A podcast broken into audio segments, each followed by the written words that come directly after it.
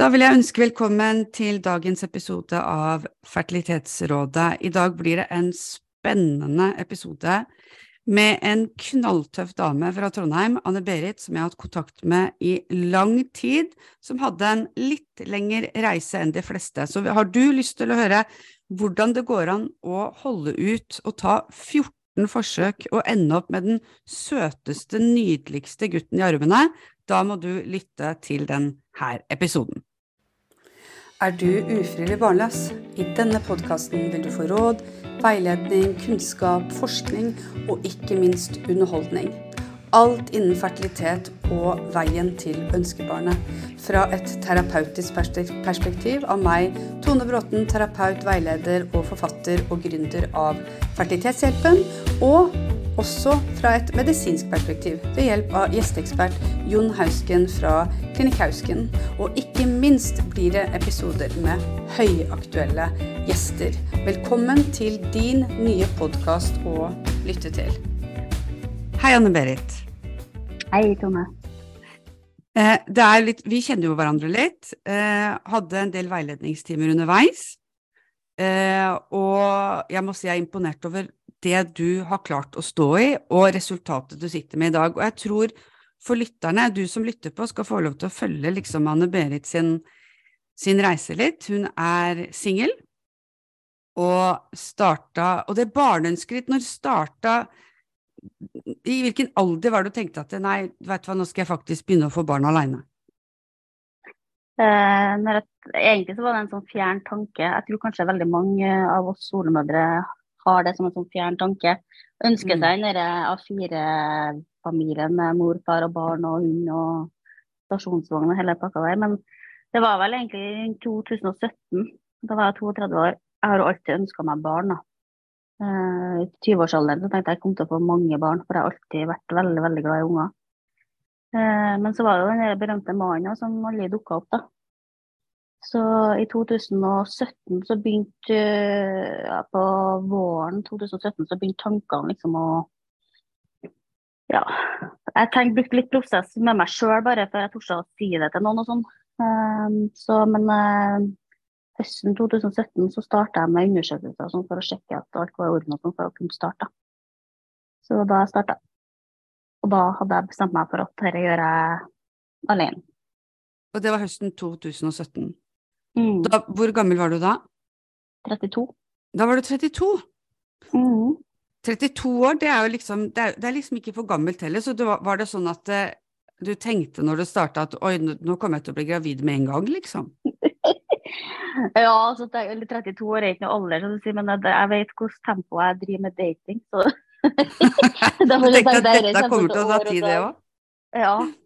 Så det, liksom, forholdene jeg hadde, hadde vært et kvarter, og liksom, så tenkte jeg at nei, fader. Altså, for hver dag som gikk, så tenkte jeg at den mannen jeg finner, han har jo sikkert unger, han òg. Så tenkte jeg at uh, da gjør jeg det sjøl. Og så tenkte jeg jo selvfølgelig, som du stilte spørsmål om, at dette går fort. Det er quick ja. Det var ikke dette her du skulle bruke mest tid på? Så du var liksom nei. klar til å bli mamma når du starta, du? Ja. Det var I, I 2017. Mm. Og så begynte det med insemineringer, var det det? Ja, jeg begynte med insemineringer. Mm. Eh, det var, hadde jeg åtte stykker av, vanlig insinuering. Oi, det var veldig mye. Var det i Norge? Nei, det var i Danmark, for det bioteknologiloven står jo en stopper for det. Mm. Det var ikke så... lov for deg å ta forsøk her i Norge i 2017? Nei. Nei, ikke for så... single, så du måtte dra til Danmark? Ja. Så da satte jeg meg på et fly og bestilte 36 timer men Anne-Berit, åtte insemineringer er jo litt mye? Det er veldig mange. Eh, det som er greia er at Jeg hadde fem først, og så fant de ut at jeg skulle gjøre en operasjon med en sånn skillevegg som jeg hadde i livmora. Eh, og det tenkte de at okay, vi prøver å ta bort den og se om det lykkes bedre da. Og da hadde vi tre insemineringer etterpå. Det er altfor mange. Eh, det, det skulle egentlig ha gått over til IVF tidligere, men det var nå det Danmark så, så, så, så, klinikken, var det ikke sånn som stoppa deg og sa at vet du hva, nå burde du faktisk gå over til EF? De bare fortsatte med insemineringer? Ja, det gjorde jeg. Så jeg hadde åtte av dem, da. Ja. Mm. Og begynte du da å kjenne på at oi, dette her kan bli litt vanskelig? Ja, altså det, var, det begynte å røyne på før de åtte forsøkene hadde gått, da, selvfølgelig. Eh, så det, det, det var jævla tøft. Jeg, sånn, første gangen så fikk jeg litt sjokk, for jeg tenkte egentlig at jeg skulle ha blitt gravid med en gang. Ja. Men så andre gangen så var det sånn OK. Tredje gangen så begynte det å bli tøft, selv om det høres lite ut med tre ganger. Så begynte det å bli litt sånn tøft sånn, men uh, etter den operasjonen som jeg hadde, og negativ resultat da blir nummer seks, da, da begynte jeg virkelig å røyne på. Da jeg snakka med fastlegen om jeg kunne få utredning hjemme, da, og det har jeg jo rett til likevel. For det er jo ingen som har noe med hvilken måte jeg tenker å få barn på. Mm. Så, men jeg fikk da òg beskjed om at uh, ting var i orden. Jeg hadde lite egg, da, fikk jeg beskjed om. Uh, fra den klinikken jeg var undersøkt på i Trondheim, da. Men at det var liksom gullegget vi venta på, litt sånn, da. Så, men etter åtte insinueringer så sa Danmark at vi prøver IVF. Mm. Og da hadde jeg to IVF-forsøk og ingen positiv graviditet. Og det var ja. Så du starta, du hadde først åtte insemineringer, og så gikk du over til Mhm. IVF. Ja. Og da hadde du to IVF. Ja. i Danmark, ja. Hvordan Jeg må bare eh, Sa de noe om hvorfor det her var vanskelig? Du var jo 32 år, liksom. Var, det noe Mente de at det var svekka eggkvalitet, eller hva, hva, hva er det de mente? Nei, de sa egentlig så lite, og det er det som jeg syns var litt sånn utfordrende med å dra til Danmark òg. Fordi at når jeg var i Danmark, så hadde jeg forskjellige leger å forholde meg til, forskjellige sykepleiere. Så jeg hadde liksom ikke en fast lege som på en måte kjente meg. da. Så det, ene, Mm. Ja, så det eneste historikken de hadde, var jo mine besøk der, og det de noterte, skal jeg si. Mm. Så, men eh, det de på en måte sa, at de hadde liksom trua på at jeg skulle få det til, og hvorfor de fikk, hadde de liksom ikke noe svar på. Så, men på de uthentingene òg, så fikk jeg jo bare til to egg og sånn, sant. Mm. Det ble én befrukta, men det var ikke gode befruktninger. Uh, som jeg har fått kjennskap til i ettertid, da, fordi at jeg ba jo om å få se på det som de hadde fått til, da, for å se på Se på resultatene, på en måte. Så det viser seg at de var jo ikke noe gode, de befruktningene jeg hadde på de to uttakene jeg hadde heller. Så når du da hadde tatt åtte insemineringer og to IVF, og ennå ikke hatt en positiv graviditetstest, mm. hva gjorde du da? Nei, eh, jeg skal komme opp i en sånn dilemma, egentlig. fordi at eh, jeg kjente på at jeg ikke hadde noe alternativ til noe annet enn å lykkes. Nei.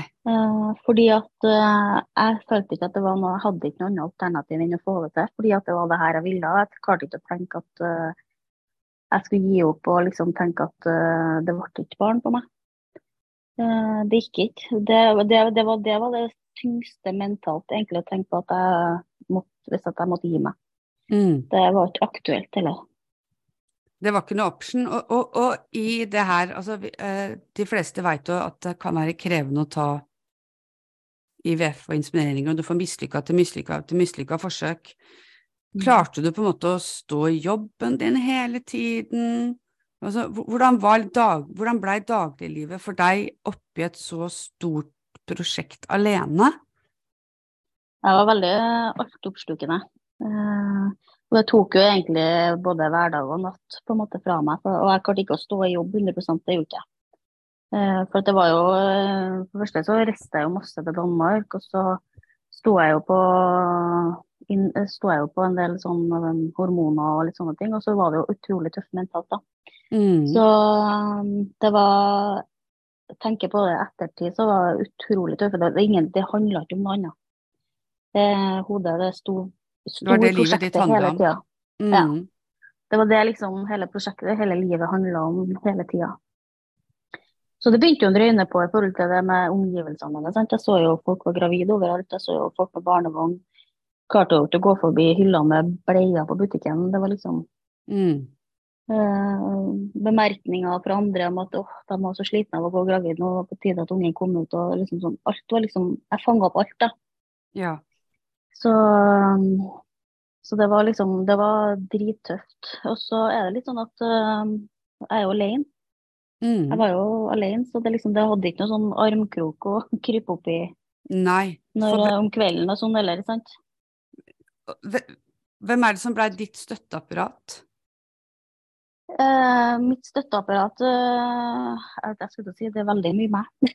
veldig mye meg selv, men også Ja. foreldrene mine og søsken og nære venner. Men så var jeg veldig heldig for at det var en privatklinikk i Trondheim som kunne ta, um, som kunne ta undersøkelsene, men ikke behandle meg. Det er bra. Uh, ja, og der opplevde jeg veldig å bli ivaretatt, fordi at eh, de visste jo hva jeg var igjennom. Så jeg følte egentlig at de var litt støttehjulene mine. Så Mm. når jeg fikk de negative testene, så følte jeg litt at det var dem som fulgte meg opp, da.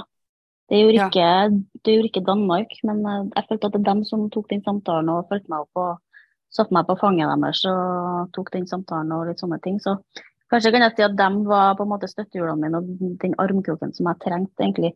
Fordi at det ble den trøsten, men samtidig så fikk jeg den faglige begrunnelsen på ting. Mm. Eh, også det hjelp til å tenke videre. For jeg var veldig sånn at det som jeg tror er årsaken til at jeg overlevde alt det der, skal jeg si. Eh, det var også liksom, når jeg fikk den negative testen, så bestemte jeg meg for at i to dager skal jeg sitte og grine og ha det helt jævlig, og så må jeg opp igjen. Og da måtte Ja. jeg planlegge neste tur. Så du ga deg sjøl to dager eh, til å gråte og være frustrert, du da? Ja. Og da måtte jeg, når det var ferdig, så måtte jeg planlegge neste runde. Ja. Ja. Eh, og, og hva blei det neste? Altså vi, nå er vi ved åtte insemineringer, to IVF-er. Hva blei neste? Da ble det dobbeldonasjon, altså eggdonasjon og sæddonasjon. Fordi at uh, legene i Danmark mente da at uh, eggene mine var for dårlige til å kunne få til noen ting. Da. For jeg spurte jo er barneønsket så stort at du på en måte kan tenke deg å ta en dobbeldonasjon. Fordi at uh, det begynte jo å røyne på kostnader, du, i tillegg til at uh, i tillegg til at det røyna på mentalt. da. Så da foreslo de eggdonasjon. Og, og, og, og på det tidspunktet der så hadde i hvert fall jeg eh, kontakt med deg. Mm. Eh, og vi jobba jo med det her å skulle akseptere å ta eggdonasjon, og det var ikke det, det var ikke så enkelt for deg. Nei, og samtidig vet du, så ble jo søstera mi gravid. Mm. Eh, og det som på en måte satt litt inni meg, liksom, var liksom det som jeg brukte litt mest tid på, egentlig, det var det at jeg var så, var så redd for dere der greiene med at uh, de kom til å si at ungen til søstera mi var så lik søstera mi. Altså ingen som kunne si det om min.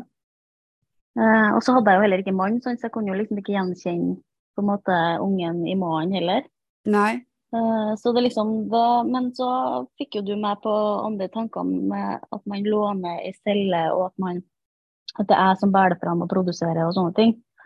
Uh, Og jeg husker at du stilte meg et spørsmål om hvis det lå et spedbarn på trappa mi, har du villet bare sprada rett over det og gått forbi? Mm. Og bare latt det være? Og det hadde jeg jo ikke. Så det, jeg brukte litt sånne metaforer og litt sånne ting, da. Men uh, det med at søstera mi ble gravid samtidig, det var faktisk veldig, veldig tøft.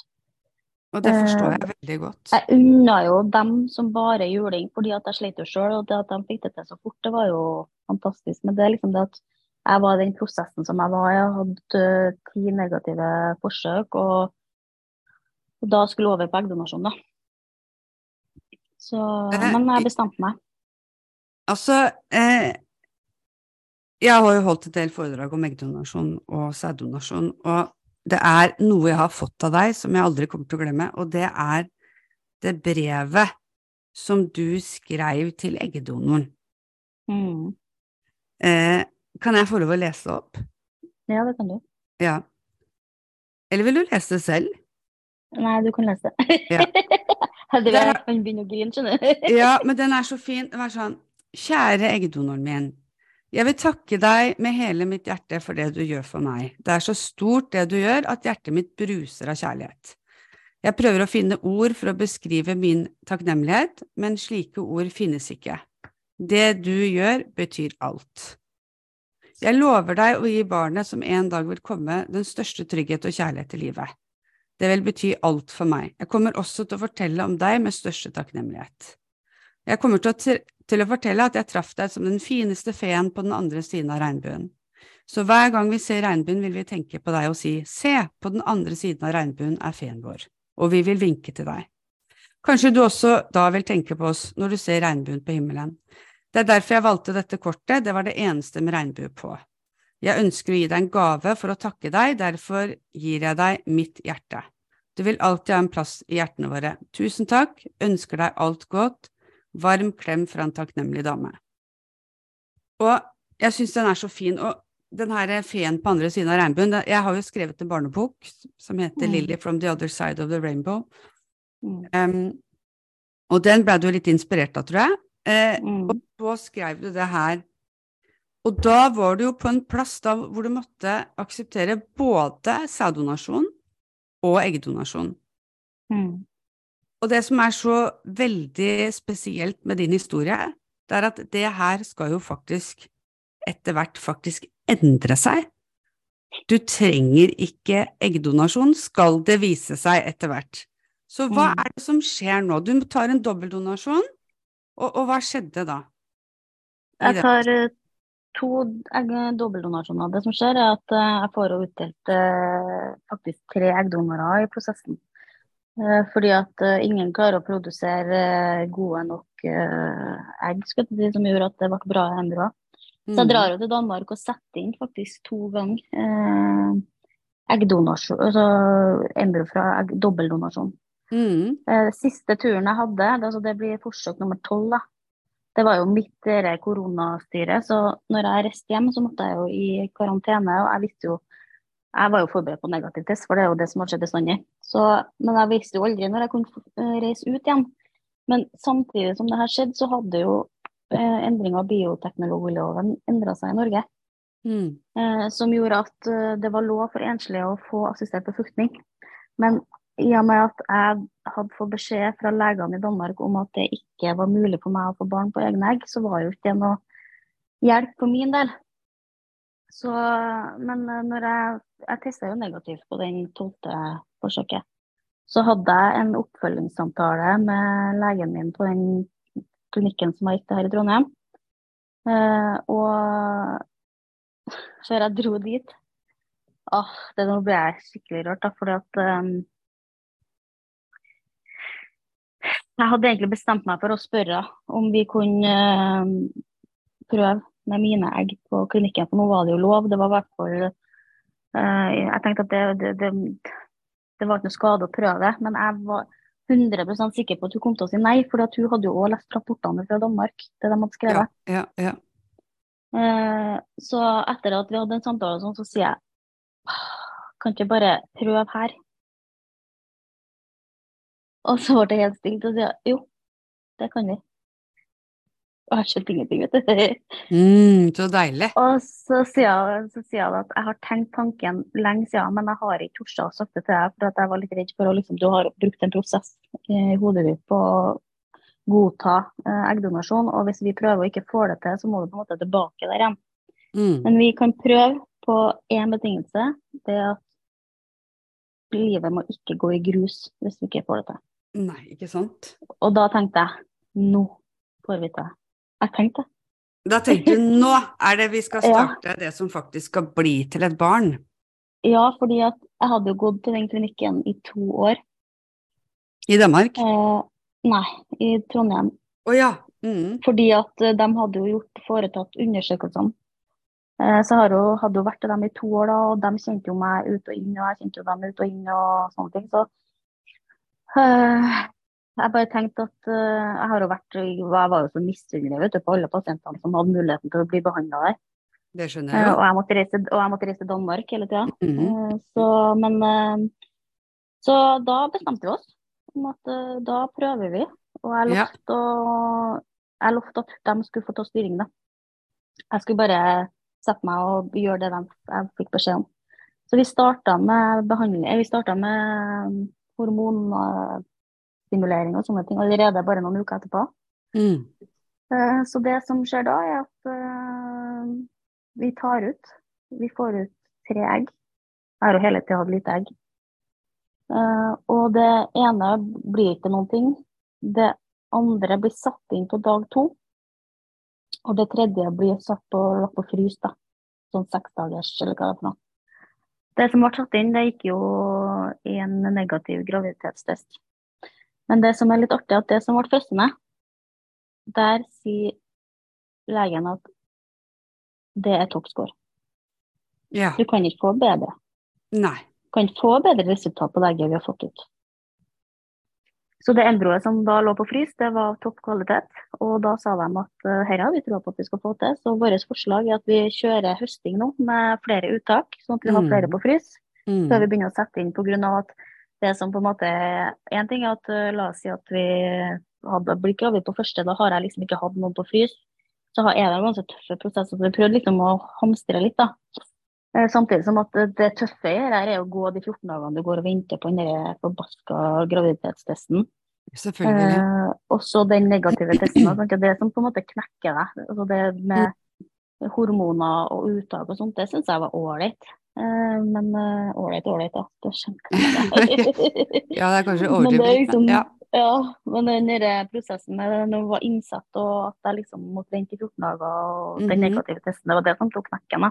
ja. Så det vi gjør er at vi kjører med tre uttak til, og jeg sitter igjen med tre perfekte embryoer Mm. som da ligger på frys. Så 17. mai 2021 så bestemmer vi Da har jeg prosessen med syklus og sånt starta, så da er jeg på undersøkelse og klar for at vi skal begynne å sette inn. Så andre pinsedag i 2021 så setter jeg inn det egget som ble tatt ut på prøveuttaket. Mm. Og så går jo dere forbanna 14 dagene. og da var jeg så dritlei av å ta tester sjøl, så jeg for ned på klinikken og tok en blodprøve og venta da på å få en telefon dagen etterpå. Ja. Tok det tre timer, så ringer legen, og så sier jeg det at uh, Da var jeg helt sikker på at hun skulle ringe meg for å planlegge hva vi gjør hvis det her var negativ test, for det var det som var oppi hodet mitt. sant? Mhm. Så da sier hun at uh, spurte jeg hvordan jeg hadde det. Sånn, nei, jeg har ikke det sånn kjempebra, men uh, vi får ta det som det kommer. Mm. Så sier jeg, men du er gravid, du, sier jeg. Hæ? Du er gravid? Kødder du med meg, eller? Mm. Nei, vi kødder ikke med sånne ting her, sier jeg. Oi, oi, oi, det var så, ja, det var så sykt. Mm. Så Ja, igjen. Ja. ja, det var så sykt. Da husker at det, da var det det 14. innsatte, og det var det første positive graviditetstesten. Tenk på det. Og du hadde holdt ut Mm. så lenge, aldri gitt opp. Nei. Og det var med mine egg. Og det var med dine egg. Så fra å Først skal du aksepteres Først måtte du akseptere sæddonasjon. Mm. Så måtte du gå inn i en prosess og akseptere dobbeltdonasjon. Mm. Så går du da tilbake igjen til Norge. Og det er jo, jeg må jo si det, for jeg tror det er en litt sånn myte at man tror at alt er så mye bedre i Danmark. Ja. Eh, og, og det er det faktisk eh, eh, statistikk på òg, at vi er like gode som Danmark nå. På Ja, hvis jeg, for min tur, jeg vil si bedre. Ja. Så det, det der at man skal dra til Danmark for å ta IVF-forsøk, det er liksom en sånn litt sånn gammel myte. Vi er, vi er, eh, vi er da like gode som Danmark, og kanskje på noen av klinikkene bedre. Eh, Ja, så- Så at du fikk oppleve det her å slippe å ha mange forskjellige leger å forholde seg til, ingen som holder i eh, prosjektet ditt, og samtidig så må du reise, og, så, så dårlig gjort at du må det som singel, og endelig Mm. eh, så endra bioteknologiloven seg, og du som singel kunne, kunne få barn. Og hvem er det du sitter med i fanget hver dag nå, Anne-Berit? Mm, lille Helmer, som nå er er 16 måneder. Mm. Hvor gammel er han nå? 16 måneder. Lille Helmer er 16 måneder, og det er i hvert fall ingen noe tvil om at han kom fra dine egg. Nei, det ser ut som jeg klona meg sjøl. Han er veldig, veldig lik meg, og det er helt absurd, vet du. Det, og han er jo så snill, og han er jo så fin, og selvfølgelig er det mora som sier det, selvfølgelig, men eh, han er det. Men eh, det er Mm. helt eh, vanvittig, og den der følelsen med å liksom få den positive graviditetstesten. også, da begynte jo litt sånn det mentale med at herregud, kan det gå galt? Men da bestemte jeg meg faktisk at uh, nå må jeg bare nyte å være gravid, og skjer det noe, så får jeg ta det etterpå. Så Men uh, ja, det var helt sykt. Og det med å få i armene mine og endelig være mamma. Og så var det litt sånn Jeg må bare si det at eh, det er mange som tenker herregud, hvordan klarer du å være alene? Men uh, for meg så syns jeg ikke at det er noe jeg synes, det, det tider så er litt sånn slitsomt, men det tror jeg det er for dem som er to òg. Men, uh, men uh, jeg må si at det var lettere enn jeg trodde. Nå har jo jeg fått ikke noe kolikbarn eller noe sånne ting, da, men jeg tror også at det var fordi at herregud, jeg var jo gamet kjempelenge før jeg ble gravid, så jeg var jo så klar for det, sant. Ja. Så, så jeg tror nok at det kanskje har hjulpet meg litt, men jeg var forberedt på det. Jeg tror det er lettere på en måte å gå inn i prosessen der du er der du på en måte tanken er at du skal være alene, du er forberedt på det. Mm. Enn om du er to, og så blir du alene. Det tror jeg er tøffere, da. Så for da så var utgangspunktet at man skulle være to. Men uh, jeg, jeg kjenner jo på en måte at den her connectionen mellom Helmer og meg blir jo veldig spesiell. Det er jo bare oss to, sant. Ja. Eh, så vi blir jo veldig sånn veldig knytta og ja, jeg ser jo på han er veldig Det er ikke rart at han på en måte er mammabarn. Nei, det er ikke så rart. Nei. Men, når liksom ser, men Anne Berit, når du ser tilbake nå, Mm. hva er det som Hva er det som fikk deg til å holde ut, egentlig? Det er et godt spørsmål, da. Nei, Jo, det var det at jeg visste at jeg skulle ha barn. Altså, Jeg må bare si det, altså. For at uh, jeg, jeg hadde ikke noe, jeg klarte ikke å tenke på noe annet. Jeg var jo mer redd for at jeg skulle gå tom for penger vet du, enn at jeg skulle gå tom for Ja. krefter. Ja. Fordi at uh, også når jeg kom, uh, fikk behandling i Norge, så var det liksom sånn at da hadde jeg en følelse av at de kom til å få det til. Men da var jeg så redd for at jeg hadde brukt opp pengene mine Ja. eh, på Danmark. Eh, og det, men det var, liksom, det var liksom pengene jeg var mer redd for, for at jeg skulle klare å holde ut det. på en måte. Da var, måtte det vært en lege som sa til meg at han bare går ikke. Det går Mm, ikke. Så, mm. men så visste jeg jo at det kom jo til en eller annen gang gå med eggdonasjon, for har du livmor, så får du jo til det til slutt. Mm. Eh, men eh, Så jeg hadde liksom ikke noen planer om å knekke, da, selv om jeg knakk mange ganger. Ja. Løfta meg opp igjen og sånne ting. Men, eh, men det var liksom ikke noe alternativ til å stoppe. Men jeg tenker jo på det i dag, herregud, for noen år. Det var, jeg husker at jeg holdt på fire år før jeg ble gravid. Du brukte fire år. Um, Fire år og 14 mm. forsøk. Hva vil Ja. du si til andre som er i samme situasjon, Anne Berit? Hvilken, hvilke råd vil du gi? Jeg vil eh, gi eh, åh, Du må i hvert fall ikke gi opp før du på en måte har en grunn for det. Da må det, jeg har jeg respekt for dem som gir opp òg, fordi at det er tøffe tak. Men det, da må du være helt sikker på at uh, det er det du vil. Mm. Fordi at uh, jeg må bare tenke at uh, husk alle de tårene, alle de åh, vonde opplevelsene og alt sånne ting, så sitter jeg igjen med det beste i verden. Og så vil jeg også si at uh, selv om det på en måte har vært tøft og sånn, så må jeg også si at det å være IVF-pasient, det er det Mm. noe fint med. Og så når du møter sånne folk som jeg har møtt underveis, så blir det der en kjærlighetshistorie. For det å møte dem på klinikken, og de vil at jeg skal lykkes, de vil gi meg det største i livet, Mm. det synes jeg var utrolig flott. Og det å få Det å få lov til å bære altså Jeg føler jo på en måte at jeg ikke har uh, båret de opplevelsene alene. Har hun båret det sammen med dem. Eh, sammen med dere som på en måte har vært sammen med meg i prosessen. da. Og uten det så har det jo vært steintøft. Det har ikke gått uten eh, Tone Bråten og uten uh, klinikken i Trondheim. Det er ganske sikkert, da. Det har gått, men da dæven han, det har vært tøft. Men det jeg kan si det er at du starta også en sånn hjem, egen hjemmeside hvor man kunne følge litt av reisen din. Hva heter den? Mamma med vilje da. Mamma med vilje. Mm. Mm. Så da kan vi jo oppfordre deg som lytter, at hvis du har lyst til å lese litt om Anne-Berit og klinikker du har vært på osv., så, videre, så kan man gå inn der.